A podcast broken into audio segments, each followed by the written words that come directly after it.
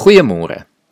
Ek het die gewoonte om aan die begin van die jaar die belydenisklasse Bybelkennis sommer net so vinnig te toets om min of meer te sien waar hulle is en hoeveel hulle van die Bybel weet.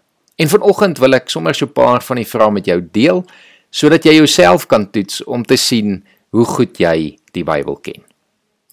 Uit hoeveel boeke bestaan die Bybel?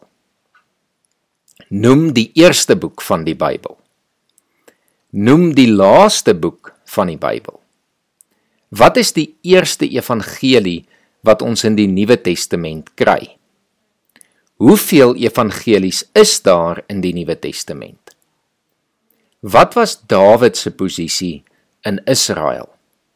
Hoeveel disippels het Jesus gehad? Wie het vir Jesus verloon? Wie het vir Jesus verraai? Wat het met Judas gebeur na Jesus se dood? Wie het die verspieders gehelp om weg te kruip in die boek Josua? Wat is die naam van die eerste aardsvader van Israel? Wie was in 'n leeukuil gegooi?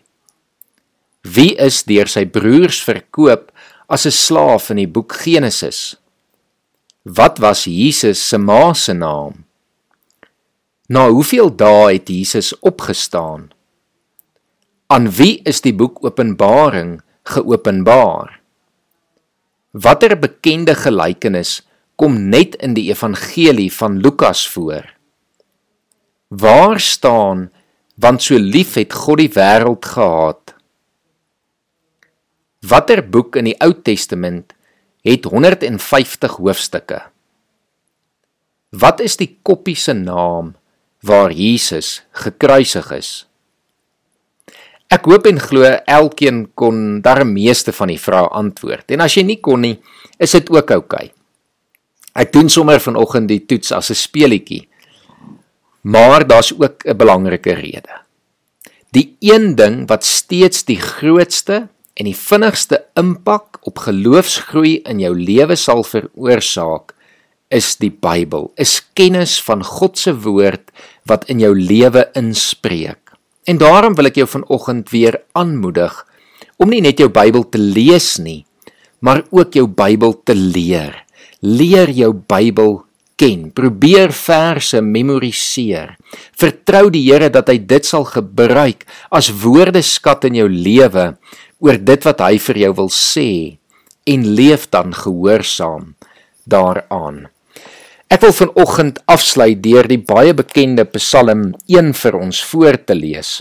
Psalm 1 wat vertel oor hoe belangrik dit is dat ons ons Bybel ken, daaroor nadink en 'n deel van ons lewens sal maak. Dit gaan goed met die mens wat nie die raad van goddeloses volg nie, nie met sondaars omgaan en met ligsinniges saamspan nie maar wat in die woord van die Here sy vreugde vind, dit dag en nag oordink. Hy is soos 'n boom wat by waterstrome geplant is, wat op die regte tyd vrugte dra en waarvan die blare nie verdroog nie. Hy is voorspoedig in alles wat hy aanpak. So is die goddeloses nie. Hulle is soos kaf wat deur die wind uitmekaar gewaai word. Daarom sal goddeloses hulle nie kan handhaaf wanneer die Here oor hulle oordeel nie en sondaars nie 'n plek hê in die vergadering van die regverdiges nie. Waarlik, die Here lei die regverdiges op hulle pad, maar die pad van die goddeloses lei tot ondergang. Ek herhaal net weer vers 2. Maar wat in die woord van die Here sy vreugde vind, dit dag en nag oordink. Hy is soos 'n boom wat by waterstrome geplant is, wat op die regte tyd vrugte dra en waarvan die blare nie verdroog nie. Hy is voorspoedig in alles wat hy aanpak.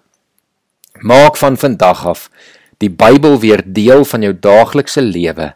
Lees dit, leer dit en leef dit. Kom ons bid saam. Here, dankie vir u woord. Dankie dat ons die Bybel tot ons beskikking het. Here, maar ons wil u woord ken, Here. Ons wil hê dat u deur die Gees dit deel maak van ons harte en ons gedagtes, dat dit vir ons woordeskat sal wees waarmee ons met u kan kommunikeer, waarmee ons vir hierdie wêreld kan vertel en getuig van u. Here, ons wil u gehoorsaam en ons weet dit kan ons alleenlik doen as ons u woord ken. Here, kom leer dit ook vir ons deur u Gees en lei ons wanneer ons dit lees sodat ons dit sal verstaan. Ons bid dit in Jesus se naam. Amen.